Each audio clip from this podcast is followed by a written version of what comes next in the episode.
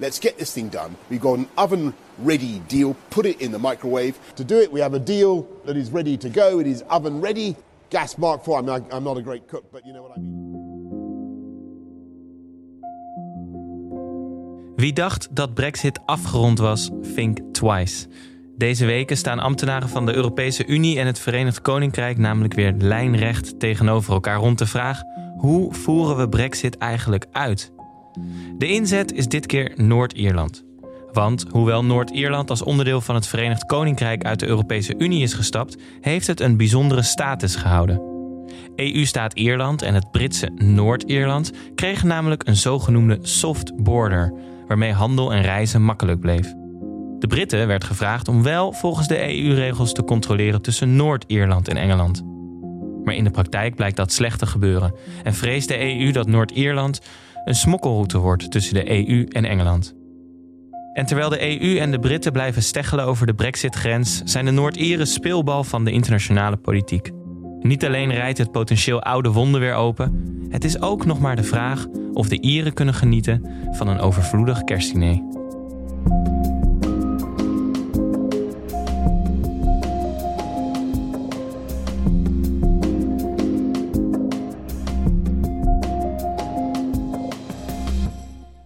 Welkom bij de podcast Wereldmachten.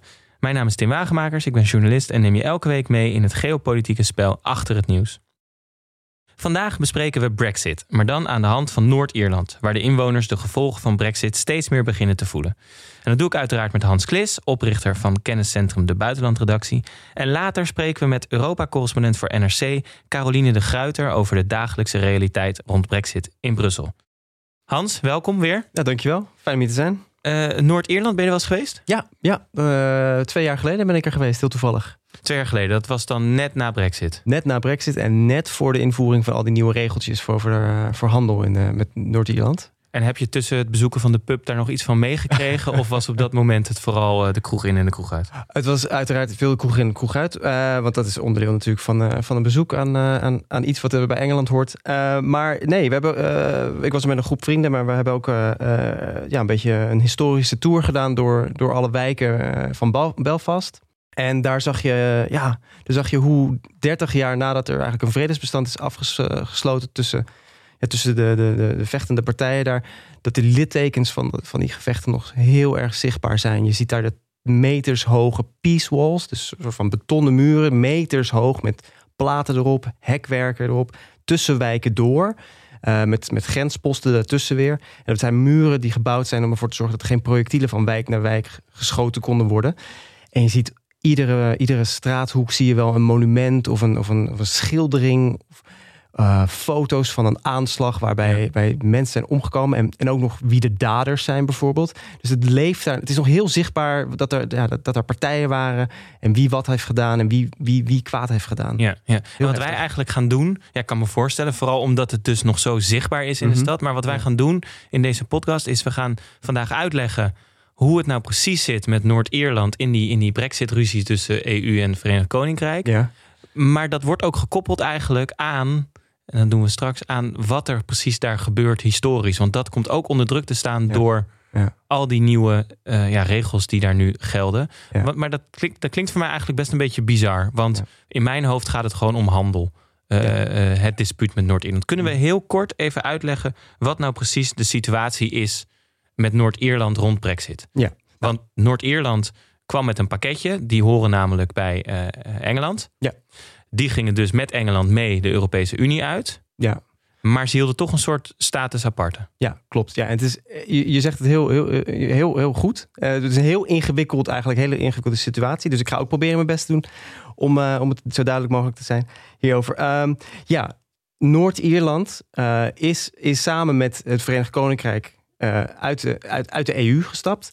Maar omdat het vastzit aan EU-lidstaat Ierland, is het nog steeds onderdeel gebleven van de Europese interne markt. Want op het moment dat er een harde grens zou z- worden gebouwd tussen Ierland en Noord-Ierland, dan zouden allerlei spanningen weer loskomen. eh, tussen, tussen, de, tussen Ieren die eigenlijk een vereniging willen van het eiland, dus allebei de- wordt één, en de, de, de pro-Britse Ieren in Noord-Ierland. Ehm, dus wat, hebben wat is er gebeurd? In die Brexit-onderhandelingen uh, is er wel een grens gebouwd. Maar die grens zit niet tussen die twee gebieden in. Maar die zit in de havens van Noord-Ierland. Dus op het moment dat, uh, dat er worsten uit Engeland gestuurd worden naar Noord-Ierland, dan gaat dat via de Noord-Ierse havens. En die gaan dan, kunnen dan zo weer doorgevoerd worden naar Ierland. Dus eigenlijk, als ik het goed wil snappen, dan, dan hebben we met de EU wel met douaneregels, hè, hoe dat gaat met goederen mhm. die van buiten worden ingevoerd en ook met reizen.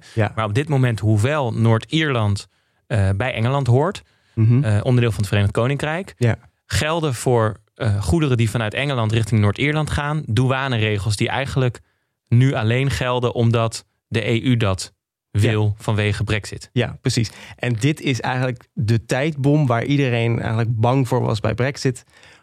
Wat gebeurt er met die grens en gaat dat wel goed?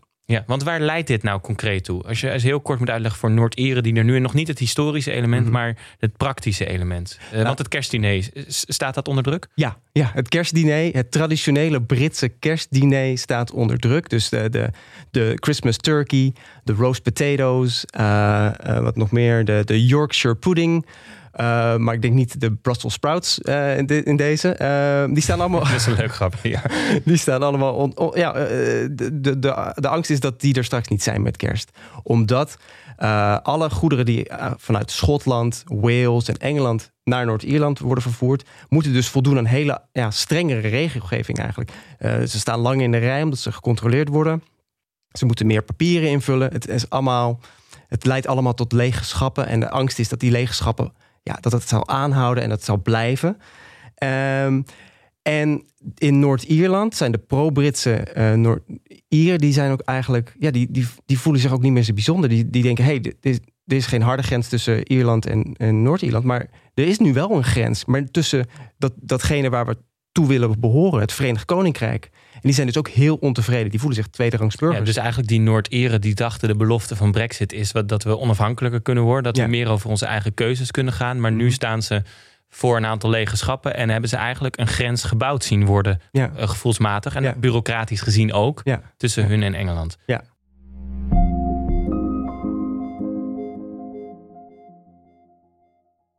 Oké, maar dan om, om dit te snappen wat je nu zegt, moeten we toch even terug naar de achtergrond van die uh, strijd die zich uh, de mhm. afgelopen e-, eeuwen eigenlijk uh, in Ierland en Noord-Ierland heeft plaatsgevonden. Kun je ons daar heel kort doorheen nemen? Ja, nou ja, uh, het begint eigenlijk, de, de problemen in Ierland beginnen eigenlijk in de 16e eeuw. Het, het, Ierland is dan al vier, 400 jaar onderdeel van het Engelse Rijk. Maar in de 16e eeuw dan uh, wil de koning van Engeland op dat moment, Henry VIII, wil graag scheiden van zijn vrouw. Van zijn, eh, van zijn vrouw en hij wil met een andere vrouw trouwen. Maar de, de, de, de paus verbiedt dat. De, uh, en in plaats van bij de pakker neer te zitten, zegt hij: Oké, prima, dan stap ik uit de kerk. En uh, ja, hij, hij, Engeland wordt protestants. Ja. En ja, dat, dat, dat valt niet heel goed in het overwegend katholieke Ierland. Want katholieken worden vanaf dat moment ook vervolgd. En dat leidt eigenlijk ja, tot, tot uh, eeuwenlang het behandelen van Ierse katholieke Ier, het behandelen van katholieke Ier als tweede rangsburgers die onderdrukt worden en hun wens om eigenlijk onafhankelijk te zijn van Engeland. Uh, ja, dat, dat, die wordt alleen maar groter, die wens. En uh, er komt ook heel veel, ja, er is heel veel uh, verzet. Ja. En in 1921 wordt er besloten vanuit Engeland, nou, we scheiden Noord-Ierland af van, van dat katholieke Ierland. En het wordt een eigen land. Ja, maar... en eigenlijk met het idee dat dan de protestanten die bij Engeland willen horen, kunnen dan mhm. via Noord-Ierland dichter naar Engeland toe. En de katholieken die zich wilden afscheiden, die hebben dan hun eigen Ierland. En eh, dan hebben we een compromis bereikt. Ja, waar het niet dat er natuurlijk ook uh, Ieren in Noord-Ierland wonen die daar het helemaal niet mee eens zijn. Die gewoon ook één willen zijn met Ierland en die werken aan die vereniging. En uh, in de jaren zestig komt het dan ook echt tot een barst het een gewapend conflict uit. Waarin dus uh, eigenlijk alle kanten met elkaar gaan vechten. Je hebt de IRA, die dus vecht voor uh, eenwording van het eiland. Uh, ja, er komt dus des, echt decennia lang komen er ja, bomaanslagen. Niet alleen in Ierland, maar ook in Londen. Downing Street is wel eens door mortiergranaten onder vuur genomen. In Nederland wordt een Britse ambassadeur doodgeschoten door de IRA. Dus echt een, het is een conflict wat heel erg uit de hand loopt, wat internationaal is.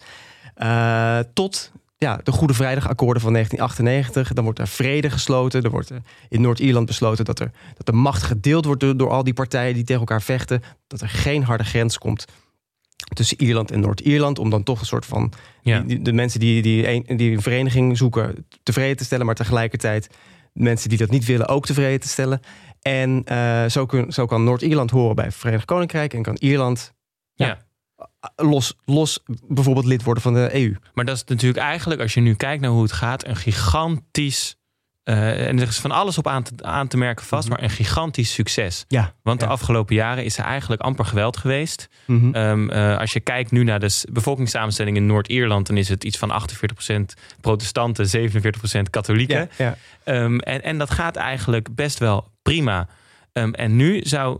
En, en het laat zien hoe gevoelig dus de hele situatie rond grenzen ligt. Historisch rond Ierland, Noord-Ierland, Noord-Ierland, Engeland. Ja. En nu heb je dus ehm, het Brexit, het Noord-Ierse protocol dat regelt hoe dat nu moet met die zachte grens en die harde grens. En dat zet alles weer op de wagen, het hele spel. Dat brengt dat weer onder druk. Ja. Hoe, hoe, hoe, hoe, op wat voor manier zet het dat weer onder druk?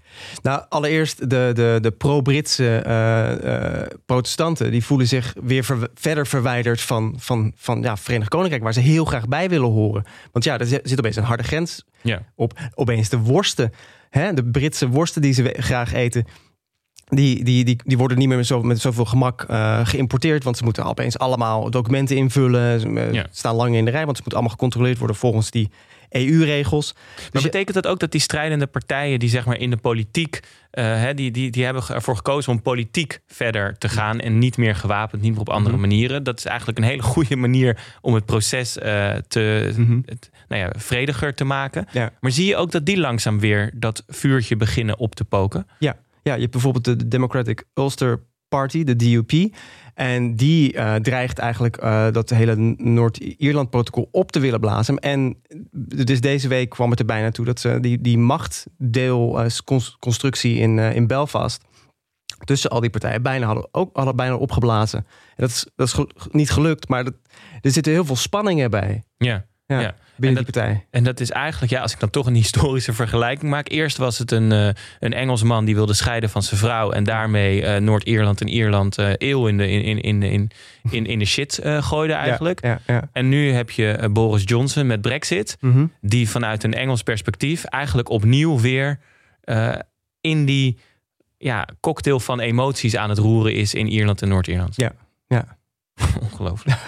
Ehm, en, en hoe staat dan de Europese Unie daarin? Want de Europese Unie heeft altijd gezegd: kijk, Brexit moet pijn doen. Mhm. Want als Brexit geen pijn doet, dan lopen we het risico dat andere landen zich misschien ook willen afscheiden. Dus Ja. die zijn altijd heel hard geweest tegen eh, eh, Engeland. Ja. Tegelijkertijd, deze situatie rond Noord-Ierland is voor de Europese Unie ook geen fijne situatie, Nee. lijkt me. Nee. Ehm, gebruiken zij dat Noord-Ierse eh, situatie ook om een, om, een, om een spel te spelen rond Brexit? Nou, uiteindelijk wil geen van de twee partijen, dus de EU en, en, en, en, en Downing Street, die willen niet dat het komt tot een gewapend conflict. Want dan krijg je gewoon, weet je, dan krijg je gewoon weer geweld op straat. Maar is daar echt angst voor?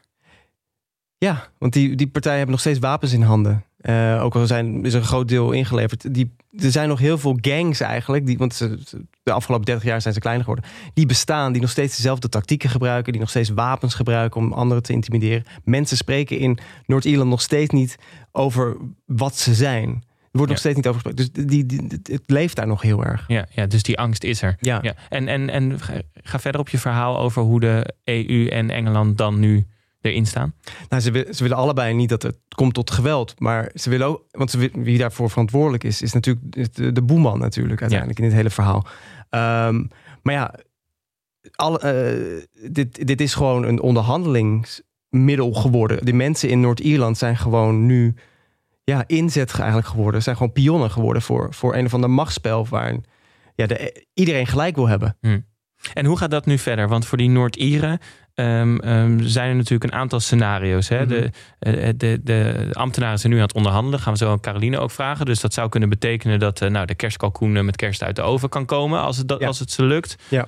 Ehm, je zei net al, een ander scenario is misschien dat er toch eh, geweld opleidt. En Ja. eigenlijk ja, of het gebeurt. Als het niet gebeurt, dan zeg je waar was iedereen bang voor. Maar tegelijkertijd voelen zowel de EU als Engeland die angst dat dat misschien kan gebeuren. Want terugkomend, er zijn ook niet alleen worsten zijn in gevaar om uh, niet, niet meer in de schappen te komen, maar ook medicijnen en dat soort dingen. Dus dat, dat is bijvoorbeeld, dat is misschien nog een voorbeeld van maatschappelijke onrust die uh, wordt ja. veroorzaakt, waardoor mensen naar geweld gaan grijpen.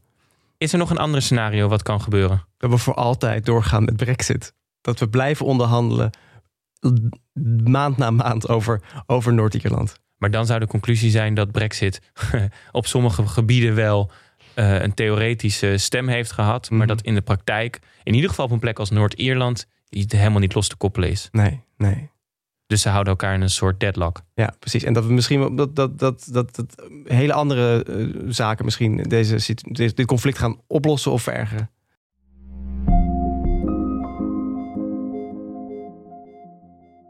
We praten erover door met Europa-correspondent voor NRC Carolien de Gruiter. Carolien, welkom. Fijn dat je met ons wilde praten. Je woont in Brussel, sinds kort weer. En je hebt onlangs ook geschreven in NRC over uh, de situatie in Noord-Ierland en Brexit. En je schreef daarin: Brexit is terug in het nieuws, wederom met een hoop commotie. Wend er maar aan. Um, wat, wat, wat, zegt volgens jou wat we nu zien in Noord-Ierland uh, over de situatie rond Brexit? Want we hebben het veel gehad over de Noord-Ieren die er last van hebben. Maar dat is, het is breder dan dat.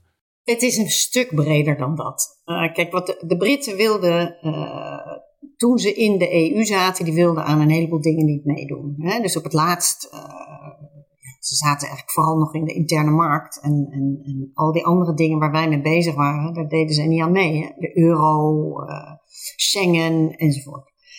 Um, en ze hebben altijd geprobeerd om, een, om zo'n deal te krijgen. Dat ze wel de toegang tot de markt zouden houden, maar zo min mogelijk aan allerlei regeltjes uh, hoefden te voldoen. Nou, dat is niet gelukt. Dus zijn ze er uiteindelijk uitgegaan. En dat proberen ze nu van buitenaf. Proberen ze dat uh, alsnog voor elkaar te krijgen. En dat doen ze via uh, Noord-Ierland. Uh, Noord-Ierland is natuurlijk. ja, was geen grens op, het eerste, op het eiland. om te zorgen dat het allemaal vredig bleef daar.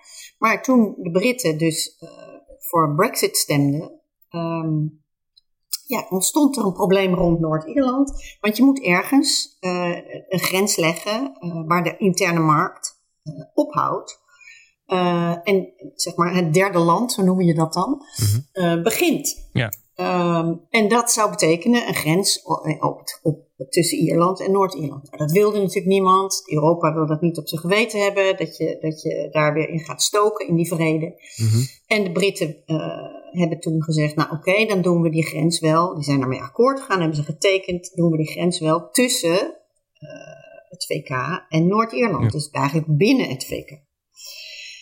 Um, nou, Europa moest een aantal, dus Noord-Ierland blijft in de interne markt. Um, uh, beide kanten hebben wat water in de wijn moeten doen. Het is toch, blijft toch een heel uh, fragiel arrangement. Mm -hmm. En wat je nu ziet, is dus dat de Britten uh, zich daar helemaal niet aan houden. Die hebben helemaal niks gedaan. uh, die hadden allerlei douanegebouwen moeten bouwen, zijn niet gebouwd. Die hadden EU-inspecteurs in Noord-Ierland moeten helpen. dat hebben ze niet gedaan. Toegang moeten geven tot een speciaal douanesysteem. Ja. op computers is allemaal niet opgezet. Dus en nu zeggen ze, ja, dit is allemaal zo moeilijk en dit maakt het zo lastig voor ons uh, dat we gewoon eigenlijk van die deal af Ja, want de Britten hebben er ook concreet last van, toch? Daar zijn ook de discussies over de legenschappen. Ik denk dat de Britten er bijna uh, meer last van hebben uh, dan de Noord-Ieren. Want kijk, wat, wat de Britse regering nu aan het doen is, die zijn een bepaalde, bepaald segment van de Noord-Ierse bevolking uh, tegemoet aan het komen. De mensen die het liefst uh, ja, bij Groot-Brittannië willen blijven ja, horen. Mm-hmm. Maar er is natuurlijk ook een deel van de bevolking uh, dat bij Ierland wil horen. En er zijn, er zijn, zijn ook mensen in Noord-Ierland um, ja, die gewoon heel pragmatisch zijn. dus de Britse politiek appelleert eigenlijk alleen maar aan een klein stukje van de, van de Ierse bevolking. En mhm. zeker ook van, uh, van de politici. Um, maar als je dus naar Noord-Ierland kijkt, ehm, dan, dan, dan, dan, dan zie je, en dat lees je ook in alle kranten, ook in de Noord-Ierse kranten, dat een heleboel bedrijven uh, en winkeliers en zo, mhm. die vroeger hun spullen uit het VK haalden, ja, die hebben nu moeite met het toeleveren, ook al zijn er nauwelijks controles en hebben de Britten eenzijdig alle uh, overgangsregelingen verlengd. Uh, maar door een heleboel problemen met transport enzovoort, mm ja, krijgen ze hun spullen veel te laat aangeleverd. En in bakjes en in grondstoffen. Dus betrekken ze dat nu uit Ierland. En ze komen er dus achter dat het vaak goedkoper is. Mhm. En dat het ook nog veel sneller gaat. Dus veel van die mensen zeggen: Oh, dat hadden we eigenlijk veel eerder moeten doen. Het maakt hen niet zo heel erg veel uit. Maar het maakt de regering in Londen natuurlijk wel heel erg veel uit. Want die vinden dat helemaal niet leuk. En, die zeggen: Ja, dit destabiliseert de hele toestand. Dus wat je ziet is dat eigenlijk Noord-Ierland minder last heeft van al die tekorten. Je ziet mensen op Twitter en andere sociale media foto's posten van supermarkten in Londen. En ik heb zelf vrienden mhm en bekenden uh, die me dat ook sturen. Ja, er, in plaats van appels zie je daar gewoon foto's van appels. Dan ziet het er dus, niet zo dus erg uit. En dat is erger in Londen zelfs. Of in, in, in, in, op, het, op het Britse platteland. Dat is natuurlijk nog erger dan in Noord-Ierland. Dus eigenlijk zeg je dat hè, Johnson is nu een gedeelte van de Noord-Ieren en de Ieren aan het appelleren. Dus hij is eigenlijk meer een beetje aan het stoken in die historische strijd die er geweest is. Dan dat het concreet voor de Noord-Ieren nu. Nou ja, ze hebben er wel last van, maar de Britten hebben, schieten zichzelf eigenlijk nog meer in de voet. En, en, en hoe ver denk je dat Johnson bereid is om te gaan in deze, ja, deze soort van standoff die er nu is? Kijk, ik denk dat Johnson bereid is om heel erg ver te gaan. Uh, A, om Noord-Ierland uh, erbij te houden. Uh, maar B ook om, om, de, om, de, om de verkiezingen te winnen. Uh, die zijn, als ik het wel heb, over twee jaar. Mm -hmm. en hoe kan hij de verkiezingen winnen? Door te midden van allerlei toch een gierende inflatie. Ik geloof nu alweer 4% in, in het VK. Ehm, door uh, de, de EU de schuld te geven van alles.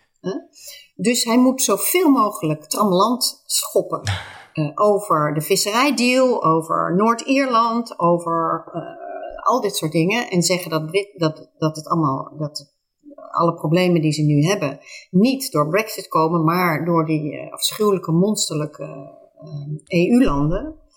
Um, en op die manier um, maar... Uh, verwacht ik dus ook dat hij, dat hij het nog uh, een flinke tijd zo doorgaat.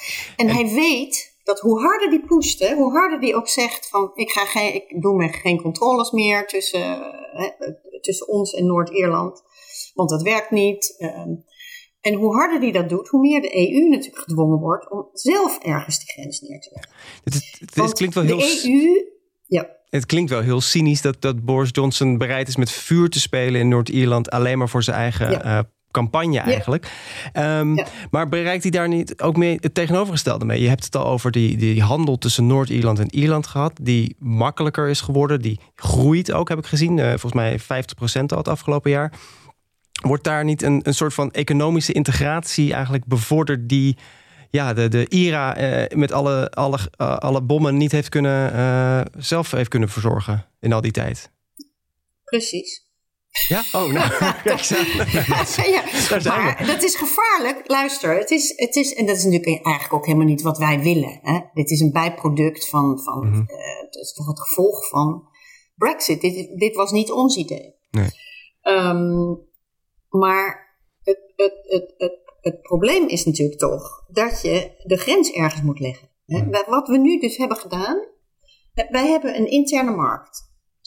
Uh, waarop regels gelden waar iedereen zich aan moet houden. Kijk, als de Britten nu zeggen, uh, wij houden daar, ons daar niet aan, qua Noord-Ierland. Wij sturen gewoon al onze spullen, ook al voldoen ze niet aan de regels, mhm. sturen we naar Noord-Ierland, donder maar op, wij willen dat gewoon kunnen doen. Die deal die werkt niet. Ja, dan open je dus een smokkelroute uh, de Europese markt op. Ja.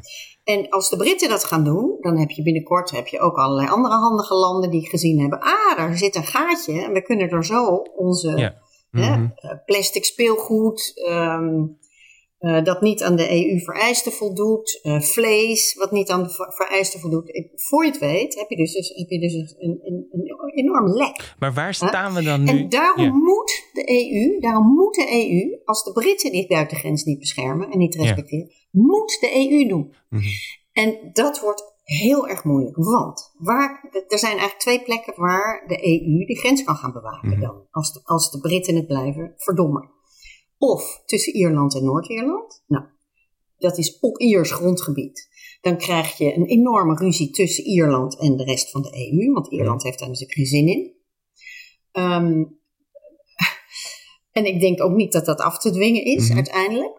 Uh, maar als dit uit de klauwen loopt, waar de Britten natuurlijk met veel plezier naar gaan kijken, hoe we elkaar uh, aan stukjes rijten, dan zal de EU gedwongen zijn om die grens te gaan bewaken als dat smokkelen, als er echt bewijs is van, van smokkel. En daar kan je gewoon op wachten natuurlijk. Mm-hmm.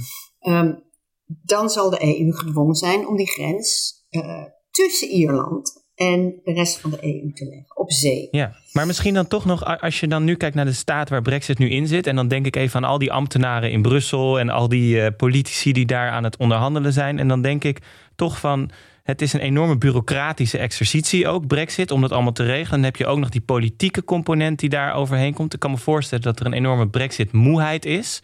Betekent dat ook dat ze in Brussel op een gegeven moment... Hè, in het begin zeiden ze, de Brexit moet pijn doen... Want anders dan gaan andere landen misschien ook wel meedoen. Dat ze toch langzaam steeds meer verschuiven naar... laten we het alsjeblieft een beetje pragmatisch oplossen... want anders dan sleept dit maar voort. Hoe moet, hoe moet ik dat zien? Ja, maar daar is een grens aan. Wat je dus wat je ziet is dat, nou goed, die onderhandelingen, daarom schreef ik ook wend er maar aan, die onderhandelingen, hè, iedereen denkt nu van dat brexit, nou er is een deal, we zijn, hè, dat is nu klaar, we kunnen nu met andere dingen verder. Nee, die onderhandelingen zijn dus net pas begonnen. Ja. Hè, we blijven dus onderhandelen en iedere keer zeggen de Britten, ja dat werkt niet, hebben we geen zin in, uh, dus uh, we saboteren het en dan moet de EU uh, moet op, opnieuw gaan praten. Want de EU kan zijn leger er moeilijk op afsturen en mm. wil dat ook helemaal niet. Ja. We hebben ook trouwens geen leger. Dus gaan we maar toch maar weer onderhandelen, de lieve vrede bewaren. Intussen is iedereen het zo spuugzat. In Brussel, maar ook in de hoofdsteden. Want met iedere gespreksronde moet niet alleen Brussel met Londen gaan praten, mm-hmm. maar moet Brussel met alle, alle 27 hoofdstukken, uh, steden gaan praten. Ja. Uh, want alle landen moeten daarachter staan. Want de Britten zijn dus heel, die kennen de EU natuurlijk vrij goed. En die weten ook, als er maar iets gebeurt, dan is het vrij simpel mhm. om uh, een paar landen los te weken uit die, uit die club. Want iedereen wil wat anders. En, en hè, er is nooit mhm. vanzelf uh, eenheid binnen de EU. Ja. En wordt, dus wordt, die, wordt Londen dan uh, nog gezien ja. als, als betrouwbare partner überhaupt? Dat, door, nee. door Europese landen? Nee. Ik, ik denk eerlijk gezegd dat het in sommige landen, die hebben echt gedacht van nou, deze deal die zal wel houden. Ik denk dat Nederland ook daarbij hoorde. Hè. Wij zijn natuurlijk altijd, hebben we best dicht bij de Britten gestaan. Ook in mentaliteit. Ja. Cultureel staan we er dichtbij. Uh, we hebben altijd, uh, zijn altijd Atlantisch, transatlantisch land geweest. Dus we hebben ze echt willen vertrouwen op hun blauwe oog. Maar ik denk dat ook in Den Haag zo langzamerhand het geduld enorm op begint te raken. Ja. En dan moeten we weer, in, in, in, in, in uh, weer gaan onderhandelen. Mm -hmm. Niet alleen met hen, maar ook weer met elkaar. En er zijn een aantal andere landen natuurlijk verder weg van, uh, van, van, uh, van het kanaal. Ja, die hebben gewoon die hebben de bladzijde lang omgeslagen. Dus die zitten ook gewoon niet zo goed op te letten. Dus Nederland en, en België en, en, Frankrijk en Spanje en Portugal, dat zijn eigenlijk de landen, Denemarken misschien nog een beetje die hebben daar, um, en Ierland natuurlijk, die hebben daar gewoon het meeste last van, van dit hele dossier dat maar, aan, maar door ettert eigenlijk. Dus die moeten ook nog de hele tijd hun best doen om de rest een beetje bij de les te houden. Dat ze niet ergens in een, in een val worden gelokt. Want zo, dit, is, dit is dus wat er, wat, wat er op het moment aan de hand is. Dus het is vrij vermoeiend voor iedereen. Iedereen heeft het wel een beetje gehad. Maar ja, ik bedoel, we moeten wel. Ja, maar ik herinner me altijd van dingen die vrij vermoeiend zijn. Je kunt de weg van de meeste weerstand kiezen of de weg van de minste weerstand als je eruit mm. wil komen. Wat staat er dan ehm, op het spel wat jou betreft? Kijk, Europa als machtsblok, daar, zijn al best wel altijd wel eh, wat uh, discussies over in hoeverre Europa dat kan met al die belangen, al die lidstaten.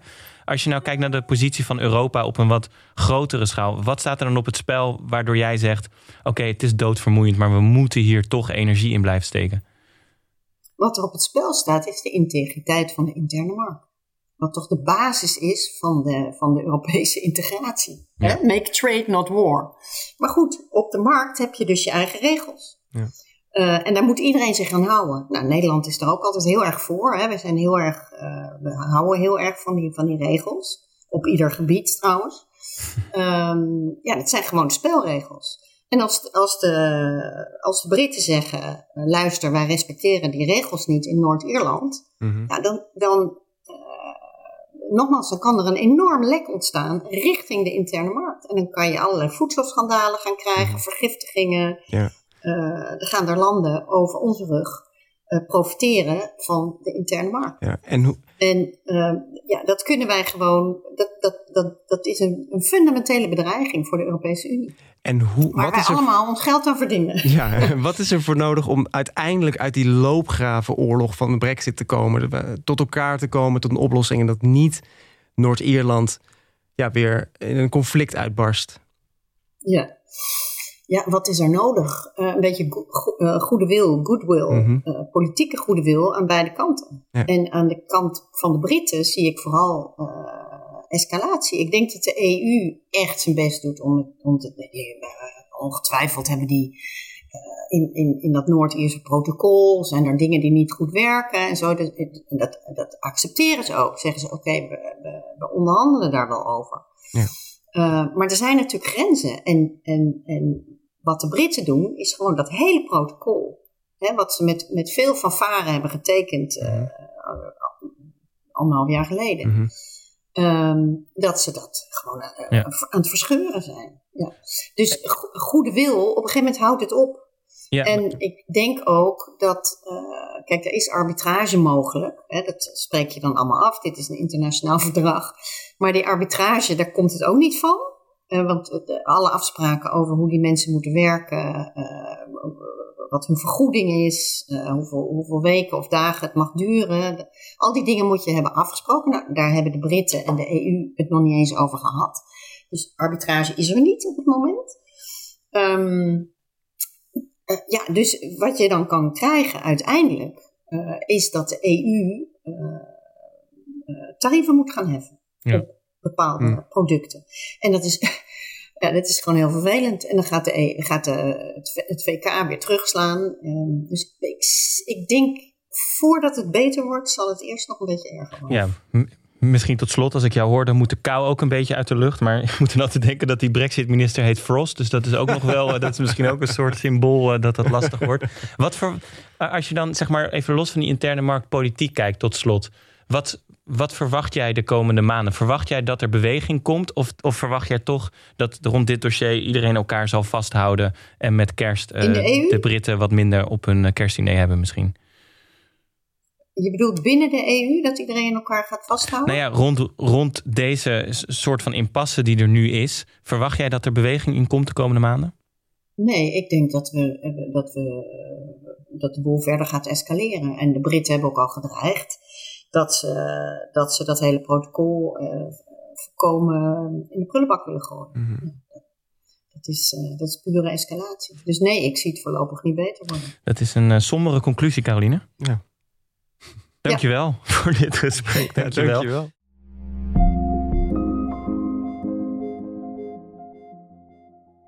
Het klinkt ook wel alsof de, alsof de Britten politiek gezien misschien nu met die Frost weten waar ze moeten drukken. Maar dat als je kijkt naar de inwoners, dat um, die eigenlijk misschien nog wel net, net zoveel, of zoals Carolien zei, meer last hebben dan de Noord-Ieren. Ja. concreet in hun leven van ja. Nou ja, die, die discussie over grenzen en waar je die legt. Ja, precies. Precies. En en dat, ik vond het dus ook heel grappig om dan te horen dat, dat die Noord-Ieren eigenlijk gewoon meer handel gaan drijven met Ierland.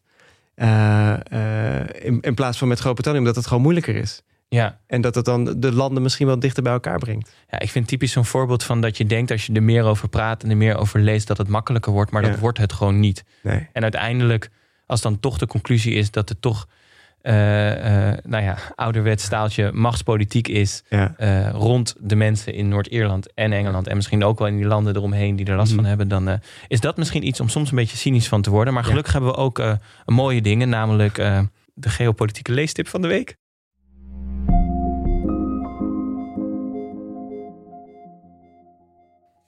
Ja, Hans, ik weet niet hoe het met jou zit, maar ik moet mijn Sinterklaaslijstje weer in gaan vullen. Tenminste, mijn moeder zit achter me aan dat ik dat moet gaan doen. Ja. Ehm, dus eh, misschien is het een mooi moment om eh, de geopolitieke leestip van de week te doen. Nou, dan heb ik weer een, een dun boekje voor je. Deze, de The Outlaw Ocean, Journeys Across the Last Untamed Frontier van Ian Urbina. Dat is een New York Times onderzoeksjournalist en eh, die heeft hier vijf jaar aan gewerkt. Drie jaar daarvan op zee. En eh, ja, hij, hij, hij, laat zien eigenlijk dat de wetten eh, op, op zee eigenlijk niet zo heel erg tellen voor, voor mensen, maar me- meer voor vracht. Dat de wetten van de zee niet echt tellen voor mensen, maar voor vracht. Is het Ja. dan. Dat, dat klinkt een beetje als onze aflevering over de ruimte. We gaan van de ruimte gaan we dan, als je het boek leest, ga je onder de grond. Nou, of tenminste on- eh, onder het water, in de diepe zeebodem. We duiken nu diep in met, met, met Urbina. En eh, wat hij eigenlijk in dit boek laat zien, wat voor wild west eigenlijk het, het leven op zee eigenlijk is. Waarin eh, wetten eigenlijk niet meer tellen voor, voor Ja. mensen. Hij beschrijft bijvoorbeeld hoe, hoe Thaise vissers hun concurrenten, een paar Pakistaanse vissers, doodschieten. En dat eigenlijk niemand daar wat tegen kan doen. Ja. Eh, en dat ja, het is gewoon het is, het is een riveting read eigenlijk. Ja. Ik heb hem op mijn, op, mijn, op mijn nachtkastje liggen op dit moment. Ik geloof dat, eh, maar dat, dat is ook wel een film waar wat kritiek op kwam. Maar dan is Seaspiracy op Netflix ook wel interessant om te zien hoe dat, hoe, hoe dat rond die walvissen gaat. En hoe Ja. vissers daar eigenlijk eh, private eh, beveiliging hebben. En Ja. daar echt eh, nou ja, bijna oorlog op zee voeren Ja. om hun grondstoffen en vracht. Goeie tip, we gaan hem lezen. Ehm, bedankt Hans, fijn dat je er was. Ja, dat was leuk om te zijn. En bedankt allen weer voor het luisteren. Bedankt Caroline de Gruiter. Eh, dit is een podcast van Dag en Nacht Media in samenwerking met de Buitenlandredactie. Redactie door Esther Krammerdam en Meerte van Munster. Montage door Jeroen Sturing. Eindredactie door Anne Janssens. Muziek van Studio Cloak. Je vindt ons op Vriend van de Show. En op Twitter ga dan naar het account Wereldmachten. Tot volgende week. Wil je meer weten over de achtergrond van het conflict in Ierland en Noord-Ierland en hoe Brexit daar invloed op heeft? In een speciale special later deze week spreken we met Irish Times columnist Fintan O'Toole. Hij won de European Press Prize voor zijn columns over Brexit en weet alles over dit onderwerp.